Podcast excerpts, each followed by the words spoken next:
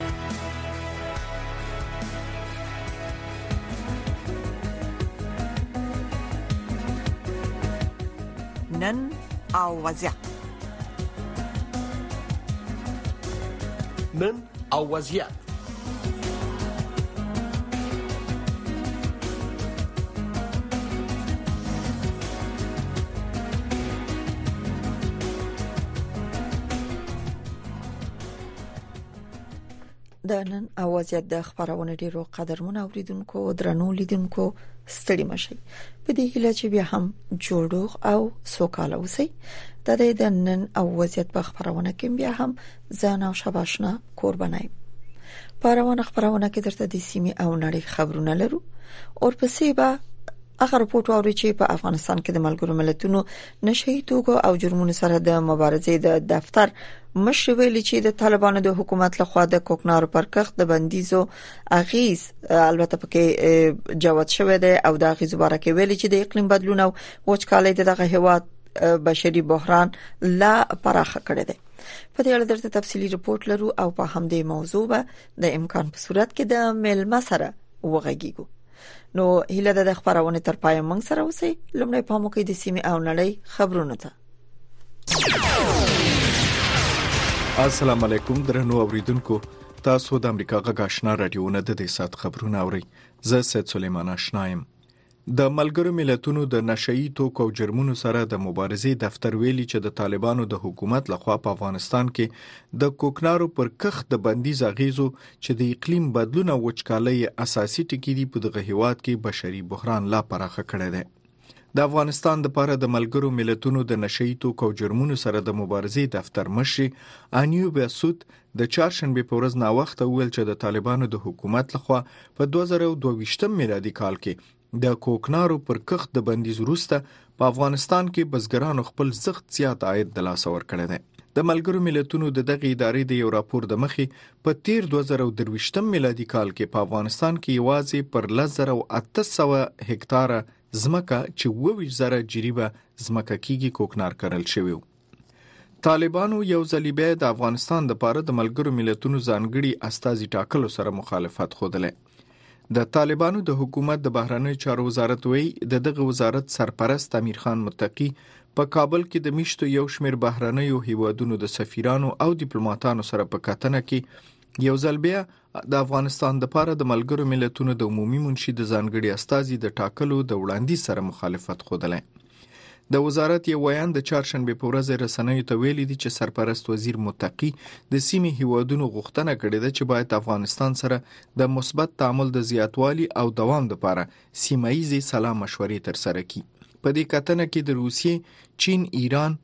پاکستان، ازبکستان، ترکمنستان، قزاقستان، هند، ترکیې او انډونیزیا سفیرانو او د دیپلوماتیکو ماموریتونو مشرانو ګډون کړی و. د ملګرو ملتونو امنیت شورا د تیر 2023 میلادي کال د ډسمبر په 29 مه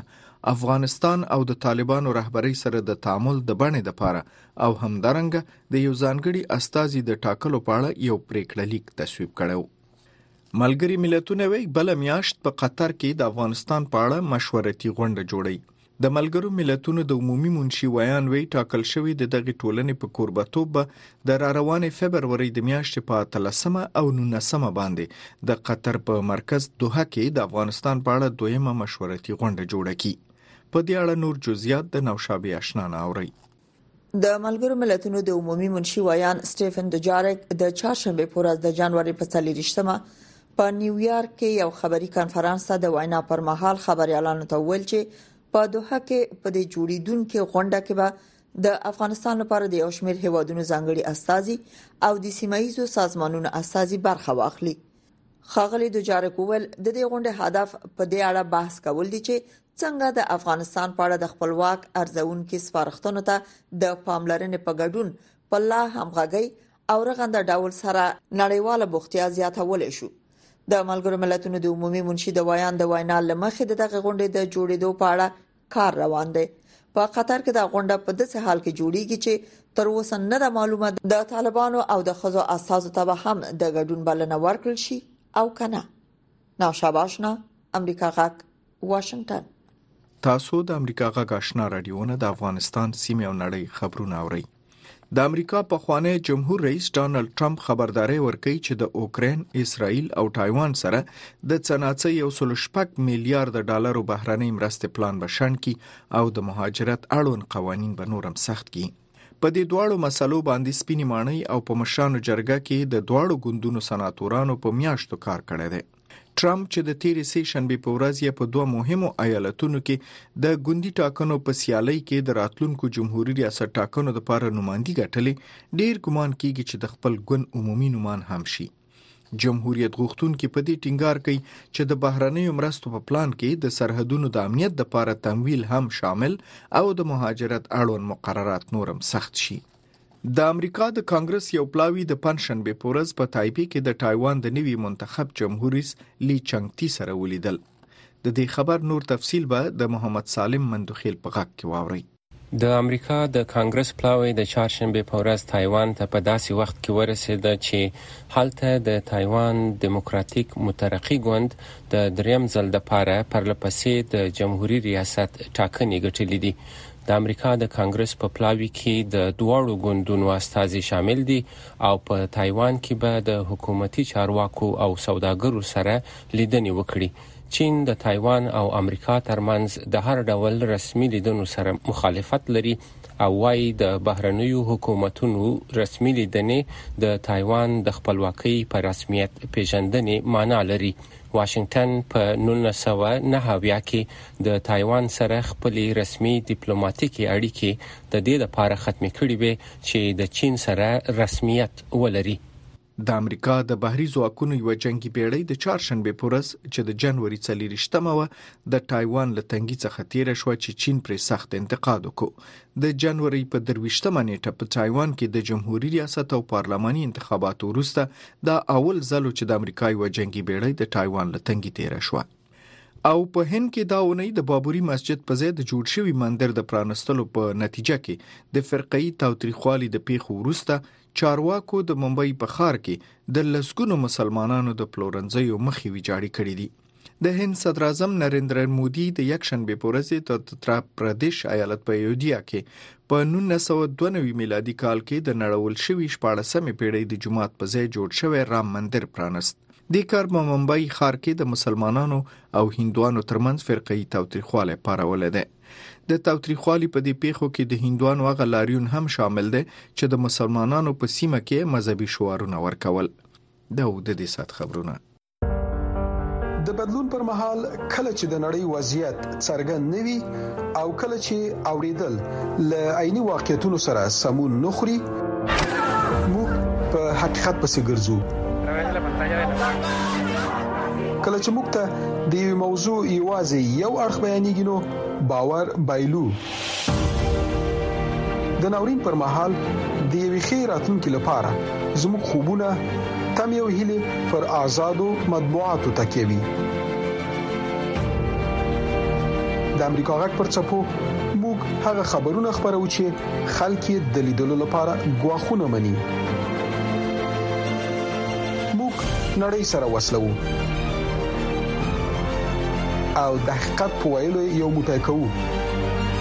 د امریکا غږ لاري موږ بشپړ انزور درکو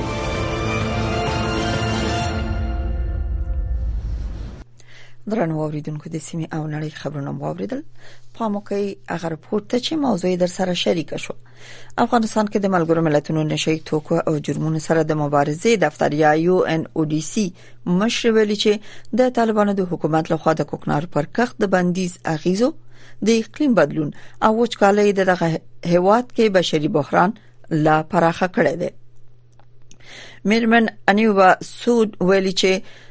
افغانان په افغانستان کې د څو اړخیزه بشري بحران سره مخ دي په دې اړه نور تفصيل زموږ د همکار اکرام شینواری پر رپورت کې اوري په افغانستان کې د ملګرو ملتونو د نشئی توکو او جرمونو سره د مبارزې دفتر مشري انیوبا سود د چهارشنبه په ورځ په ولند ویډیوي پیغام کې ویلي چې د طالبانو د حکومت لخوا په 2022 کال کې د کوکنارو پر کښ د بندیز وروسته په افغانستان کې بزګرانو خپل زخ زیات عاید له لاسه ورکړي چې د اقلیم بدلون او د وچکالۍ او اغیزو د افغان بزګرانو په ژوند باندې خورا زیاته اغیزه کړې او د غوي کرهڼیز محصولات ډیر کم کړي چې وسره د سارویو د لپاره خواړه او په خپل د بزګرانو د کورنۍ د خوړو کمیدو سبب شوې دي همدا شان افغانستان کې د ملګرو ملتونو دغه لوړپوړي چارواکي ټینګار کړي چې له پاکستان څخه افغانستان ته ستنېدونکي سلګونه زره افغان کډوال د ژوند د تیرولو لپاره منابعو ته خورا زیاته اړتیا لري میرمن سود ویلي Across Afghanistan farmers have suffered extreme loss of income following the opium ban by the de facto authorities in 2022. پر بزګرانو باندې د کوکنارو د کښت د بندیدو اغیز د اقلیم بدلون سلیدونکو افغان کډوال او په افغانستان کې د نشي توکو د پام وړ مصرف اړتیاوي لا زیاتوي اوس مال افغانستان کې خلک د سوړ اخیز بحران سره مخ دي of the livestock د ملګرو ملتونو دغه ادارې د یو راپور لمخې په تیر 2023 کال کې په افغانستان کې یوازې پر لږ زره او 800 هکتار ځمکه باندې کوکنار کرل شوی وو خو په 2022 کال کې په افغانستان کې د کوکنارو د کښت اندازه 230 زره هکتار ته رسیدلې و د ملګرو ملتونو د نشئی توکو جرمونو سره د مبارزې دفتر ویلي چې تیر کال د کوکنارو په کښت کې کموالی لامل په افغانستان کې د اپینو تولید هم 15% راټیټ شوی او تیر کال په دغه هیواد کې 333 ټنه اپی تولید شوی او په 2022 کال کې په افغانستان کې شپږ زره تسو ټنه اپی تولید شوی او د ملګرو ملتونو د نشي توکو جرمونو سره د مبارزې دفتر په راپور کې ویل شوی چې په تیر 2023 کال کې د اپی په کاروباریانو باندې د اپی د خرڅلاو څخه د بزګرانو عاید 2.5% کم شوی او د دغه دفتر شمیرې دی چې په 2022 کال کې د اپی تولید څخه د ترلاسه شوو پیسو اندازه 1 میلیارډ او 380 میلیونه ډالر و خو په تیر 2023 کال کې دا اندازه یوازې 110 میلیون ډالر ته راټیټه شوې ده افغانستان کې د ملګرو ملتونو د نشي توکو او جرمونو سره د مبارزې دفتر مشري انیو باسود په ټوله نړۍ کې بحران پر اخیدو ته په کتنې ویلي چې باید دا له پامه ونه غورځول شي چې په افغانستان کې اړتیاوې خورا زیاتې دي او په دغه هیواد کې روان بحران به بالکوا پاجې لرونکي پیلې ولري مرمن سود ویلي Now is the time to step up for the people of Afghanistan. اوس د دې وخت دی چې د افغانستان خلکو لپاره ګام پورته کړو او هغوی له یاده ونه باسو Forget them. د دې د مخه د ملګرو ملتونو د بشري مرستو د همغږۍ دفتر اوچا تیره اونۍ په افغانستان کې د وچکالۍ د اغیزو په اړه ژوره اندېښنه ښودلې وه اوچا ویلي چې په افغانستان کې تر اوسه د 2023 او 2024 کلونو ژمي په فوق العاده توګه وچ او ګرم دی دغه ادارې خبرداری ورکړی د واورو او باران د اورښت پرته به دا هیواد ممکن یو ډیره سخته وچکالي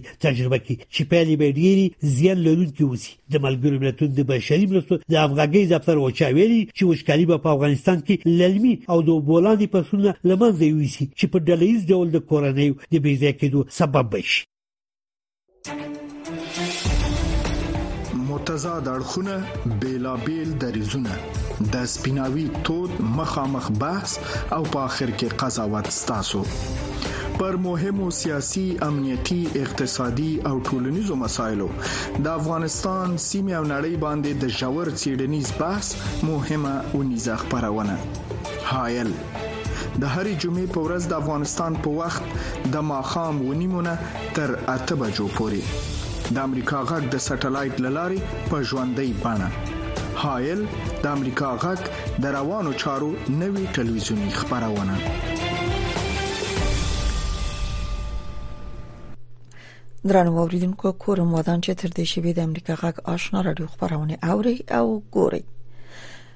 رپورټ هم وریده د رپورټ د موضوع په ارتباط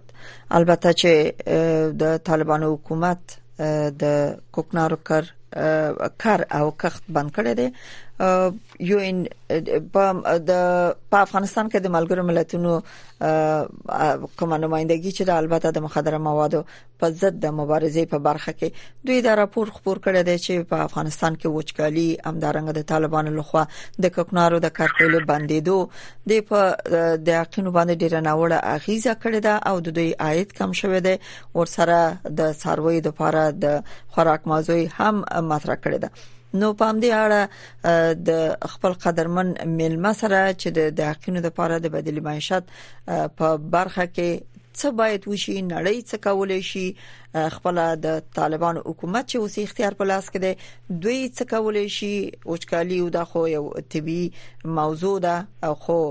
د بدیل معیشت په مورد کې دوی څه کولای شي نړۍ د نړۍ ځنې هیوادونو په افغانستان کې پام دې اړه ګډه مبارزه باندې لګیا دي نو په خبرونه کې سره د بدیل معیشت د پروګرام په خونه یو همکار یا کارکونکو ملمه د صدر الدین صاحب صدري صاحب تاسو ما غاوري ستړی مشي بله سلامونه تاسو تاسو ټول لیدونکو اوریدونکو ته تاسو غږرازي کورم ودان چې په لږ وخت کې بلنه ومنله او په خبرونه کې حضور لري اول دغه راپور تاسو لوسته دی او دلته هم زموږ همکار چې راپور جوړ کړو که تاسو اوریدلې د راپور په اړه څه نظر لري تاسو په دې برخه کې وګدا تجربه لري ډیر وخت هم کار کړی دی البته څه وای وای د راپور د صحت او کوم ارقام چې ذکر شوی دي کوم وضعیت چې د افغانستان انځور شوی دی تاسو څه نظر لرئ پاکلی مننه په دې کې خو شک نشته چې د افغانستان اوسنی حالات لکه څنګه چې په راپور کې ویل شوی دی کې هیڅ لاغنه ډیر وخت وی ولې دا چې ولې دا چې په تیرو دوه دوه نیم کلونو کې تر ډیره حد پورې کارونه صرف هغه د بشر دوستانه مرستې په نام شوي دي بله انکشافي کارونه نه دي چې دا دا په خپل یو هغه د مشکل د مشکل د نه حل لپاره یو یو وجه ده دویم دا دی چې دا د کابل د ادارې هغه سخت شرایط دي چې د نړیوالو ادارو ته مخته د سعودي دی نړیوال ادارې سره مخامخ دي چې دوی نشي کولای هغه چې کار وکړي چې څنګه په کار دی دریم همدا مشکل چې هغه د ضرورتونو یا د اولیتونو نه پیژندنه ده ترڅه پورې افغانستان کې په تیرو دوه ځاني مقالونو کې د نړیوالو ادارو د کوم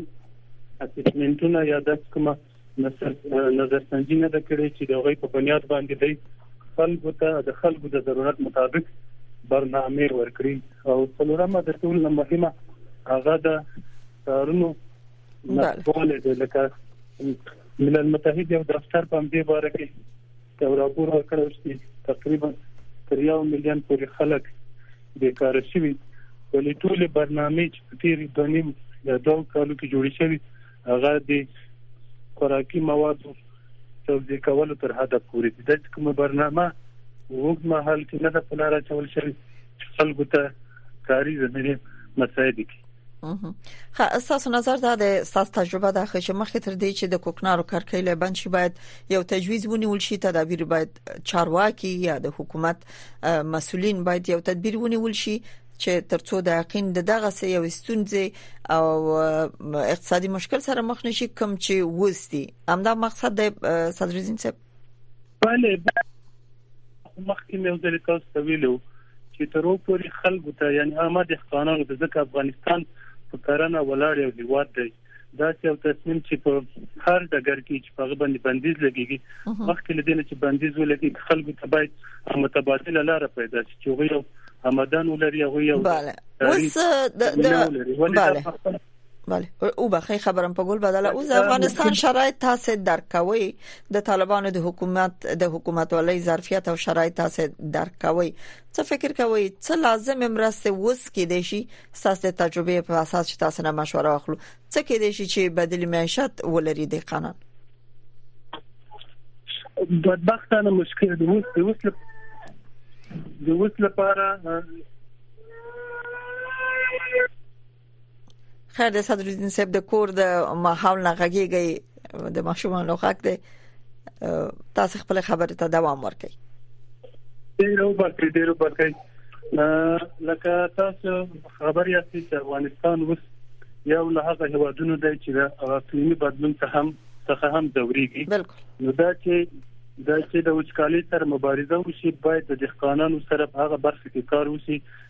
چې هغه ورته ضرورت لري لکه هغه چې تخمونه ورته ورته ورکړي چې او ته تقسیم کړی چې کم وبو ته ضرورت لري یعنی هغه کتم افغانستان یو علاقه هیوادونه چې ډېر پریمان او بلري ولې دا یو بو هغه مدیریت یو همدا مشکل دی چې نه تیر کونه په تیرو دونی کالونو کې د دې وبو مدیریت کې هغه کار شوی چې د قانون ضرورت لري زم دا دی د وبو لګولو نوي او موثر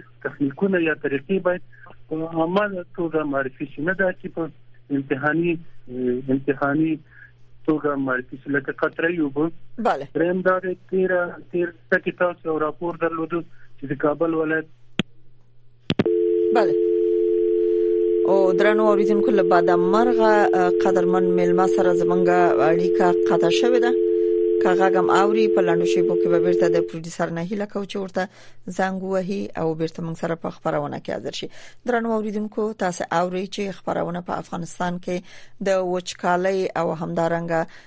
د کوکنارو د کښت د بندیدو سره چې د حقینو کم عاید له لاس ور کړی دی او هغه اوس اقتصادي وضع خنه ده په همدې باره کې ده چې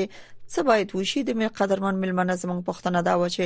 څه باید وشي چې د بدیل معیشت په نوم د قانونو ته څه ورکړل شي ترڅو دغه بد اقتصادي وضعیت نه دوی وځي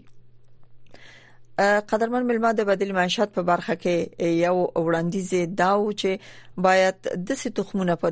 د یقینو باندې بسګرانو باندې وویشل شي چې هغه د افغانستان اوچکالي هم په نظر کې ونیول شي چې هغه اوبو ته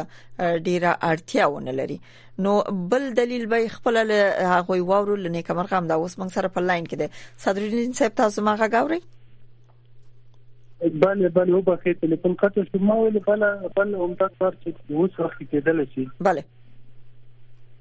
هغه د عامه په هوای دی یعنی زه په لته مثال په توګه وایم چې زابل او کندهار یا په دالری پروتو ولایتونو کې یعنی د قانون په دینه پوری کې چې دغه فصل څومره وګړو پکار دي متاسفانه یا بدبختانه هغوی هغه سولري پمپونه لګولي دي د ځمکې د لاندې نه وبره او باسي سر مر راخي تر مخه مغه وبره وځي هغه هڅه ځای کیږي نو خلکو یا د عامه د قانون کې هغه باید عامه په هایو وشي چې د دې فصل تر کومه حد پورې څومره وبغړي او بل دا چې د بادي معیشت په ساحه کې باید داسې کار وشي چې لکه د د ولایتونو په بنیاد د غوې غ ضرورت او کتل چې لکه د مثال په توګه مشرقي ولایتونه دی غوې مالټي یا لیمو ښه حاصل ورکړي ځمکه یې حاصل خېزه ده او دا توافق لري او کندهار انار لري د شمالي ولایتونو انګور لري بغلان او کندوز شول او وريځ لري یا د مثال په توګه نیمروز فراه او هرات د ولایتونو چې هغه هغه شګلن ازمکه لري طوفاني هوا لري نو هلته د عامه کرنه ډیر نتیجه نه ورکوي کوم هر څومره مصرف وي چې هغه قسم کې ډیر ته ځای کېږي ځکه چې خوريږي را خوريږي هغه دشت دي بله بله او اوس خو د افغانستان شرایط تاسو ته معلوم دي ټول نړۍ ته معلوم دي د پوهاوی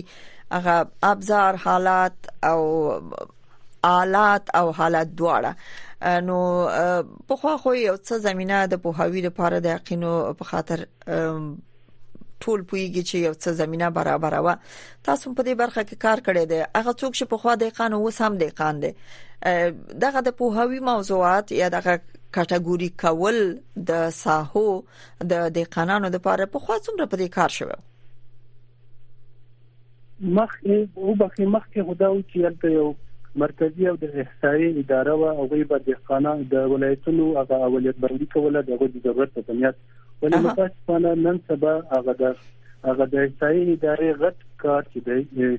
زنه غواړم چې هغه اعتراض وکم ول دی غوي هغه کار چې دی هغه آمدن شمارل دی لکه له تذکرون ال پاسپورت نو څومره پیسې راځم شي کوم د چې د چې د سیستم یا د کوم ډیټابیس اوس په اړه نشته چې نړیوال ادارې څنګه کار کوي او دا چې نړیوال ادارې په دې موجوده اداره باندې دومره اعتبار نه کوي چې دوی معلومات څومره دقیق دي نو نړیوال ادارې په خپل په خپل امکانات باندې یو ډیټا برابرې او معلومات برابرې او بیا رسنیز کوي دا په خپل یو سوال دی دا د کابل ادارې او د نړیوالو ادارو هغه هم هغه کاری رابطه دومره قوي یا دومره زوره نه ده چې د کابل د ادارې په معلومات باندې د اعتبار کابل د کابل په اداره کې د روس لپاره د معلوماتو د جمعواري لپاره هم کوم سیستم نشته چې هغه د دهقان ضرورت وګوري یا هغه اساسي دي مشکل دا دی چې موږ د ټولې چې ټولې برنامې په تیرو دوه نیمو کالو کې صرف د خوراک توجیه په تر حد پورې کوم د چې برنامه په کار ونه چول شي چې خلکو ته د دوی په کلیو په ولس کې یو کار پیدا شي او کار یا دوامدار وي یا تر حد حد پورې چې خلک ورنه خاید تر لاسه کی بله صدر الدین صاحب یو بل موضوع چې د یقینو ته سرخوږی پیدا کړی دی هغه دا دی چې او حقیقت هم دی کله چې دوی اپین خرڅول یا د کوکنارو د کښت نه کم حاصل تر لاسه کاوه په هغه په هر شکل چې وو لکه غاټي پیسې تر لاسه کولې عاید به ډیرو کنه که په هر رقم او که خو که بدو اوس چې په افغانستان کې د دغه غاټ عاید بدیل کې دی شي چې باید د حقونو ته توضیح شي ترڅو عام د کوکنارو کرکېله بند شي او لبل پلو دوی د سایه تر لاسه کې چې بیرته د کوکنارو د کرلو ارمانم ورنشي او بیرته غي کرته مخه ونی کی په زه باید درته وایم چې د د کوکنار یو هغه بدیل چې دی یو مهم بدیل چې هغه بڼوالي یا د باغونو باغونو موجودیت په تیر کې په دې ساحه کې ډیر کار شوی دی ولې تاسو ګورئ چې کله د افغانستان هغه د دهقانانو باغونه خپل حاصل ته ورسیږي ثمرې ته ورسیږي زمونږ نړیوال سرحدونه ور باندې بس تاسو شاهدان یاست چې ډیر لس ورځې زمونږ بعضې بندرونه بند وو چې د خانانو د ټول کال څومره مصارف کړو بچارګانو هغه یعنی صدرالدین صاحب تاسو دلیل معقول دی اما په دغه بڼوالۍ کې څه شي مثلا د یو جریب زمکه اپین د لس جریب باغ سره باید منطقه نه برابرېږي اما په دې باندې کې باید څه شي وکړل شي تر رقم بنوالي وشي کوم حاصل ترلاسه شي د میوو چې هغه به د اپینو بدیل شي خپل پسته بادام انار او انګور دغه چې حاصلات زراعتي یا مشروع حاصلات دي چې د یا مدن له کوکنارونه ډیر دی کم نه دی یعنی که کوکنار له یو جریب نه څلور زره یا څلورم زره ډالر اخیستل شي په هم زماني وخت کې هغه باغونه چې وخت رسیدل یعنی 15 تر 20 کالور باندې تیر شوی تیر شوی هغوی هم کولی چې هغه دهقانان د څلور زره نه تر پنځه زره ډالرو پورې آمدن ونه ولري، ولې مشکل دلته دا دی چې زمونږ دهقانانو هغه اولیه مصارف چې دي یو باغ د د باغ د احداث او وروسته بیا د باغ هغه د تنظیم او د مدیریت هغه دا چې هغه هغه ظرف هغه ظرفیت یا هغه کپاسټي بلډینګ چې هغه نه لري چې څومره وګور ته پکار دي څومره پور ته پکار دي یا کوم افات او امراض لکه څنګه چې تاسو تیر هفته کې د باره کې راپور چې د کابل ولایت د سبز ولسوالۍ کې د انګورو باغونه ډېر د یو یو مرز له وجې تلفي شپږتنه تر بیا څه د دوی هغه حاصل له منځه تللی دا غسیزونه چې د خانان په دې باره کې هغه عامه په هوا یا غز درس او تدریس نه لري چې دوی وایي چې په کوم وخت کې باید هغه کوم وخت کې باید خپل باغونه د امراض د افاتو د مخنیوي په خاطر باندې په هغه کې هغه کارونه وکړي چې مرزونه نه یاد مننه صدر الدین صاحب دوه پوښتنې لرم هله د چرته لاندې جواب کې یو دا چې د ملګرو ملتونو د نشئی توکو او جرمونو سره د مبارزې دفتر په راپور کې ډیر تاکید شوی دی چې باید د افغانستان د غوسنی وضعیت ته جدي پام وشي نړۍ په دغه برخه کې څه پاملرنه کول شي او څه کول شي چې د افغانستان په دغه وضعیت بدل کی او بل دا کوم غونډه چې په دوه کې روانه ده فکر کوي چې په تیر غونډه کې د افغانستان په اړه البته د نشئی توک سره د مبارزې په برخه کې هم خبرې شوې وي تمه ده چې اوس به بیا هم غونډه کې جدي خبرې وشي په دې اړه یو دغه وخت لرو مهرباني اول باید نور دا نړیوال د انتشار له بشردوستانه مرستو انکشافي برخې ته راشي نور دغه د خوراک او دغه څیزونه توزیع نور پرېږدي باید دغه کارونه وکړي خلکو ته کار او روزګار پیدا شي بیا هم دا چې دا چې د کابل اداره رسمیت او مشروعیت نه لري د نړیوالو فورمونو کې برخه نه لري باید نړیوال نور هغه خپل منځني خپل منځي هغه رقابتونه چې دوی اوس په کابل کې د بودیجې د حاصلولو لپاره لري یا په لار اچولي هغه باید یو طرف ته کې او د افغانانو غو شرایط سره برابر بله هغه کارونه وکړي چې افغانانو درد ته دوا شي ډیره مننه په افغانستان کې د بدیل معیشت د پروګرام په خوانه کارکونکو صدر الدین صاحب ساس د کور ودانۍ چې په لاند وخت کې بلنه ومنله او خبرونه کې ګډون وکړ درنو اوریدونکو د ننوازیت خبرونه په همدې ځای پای ته رسیدي په لاند شیبو کې به تاسو غږی صداي شما خبرونه زموږ د قدرمن همکارانو په قربتو پیل شي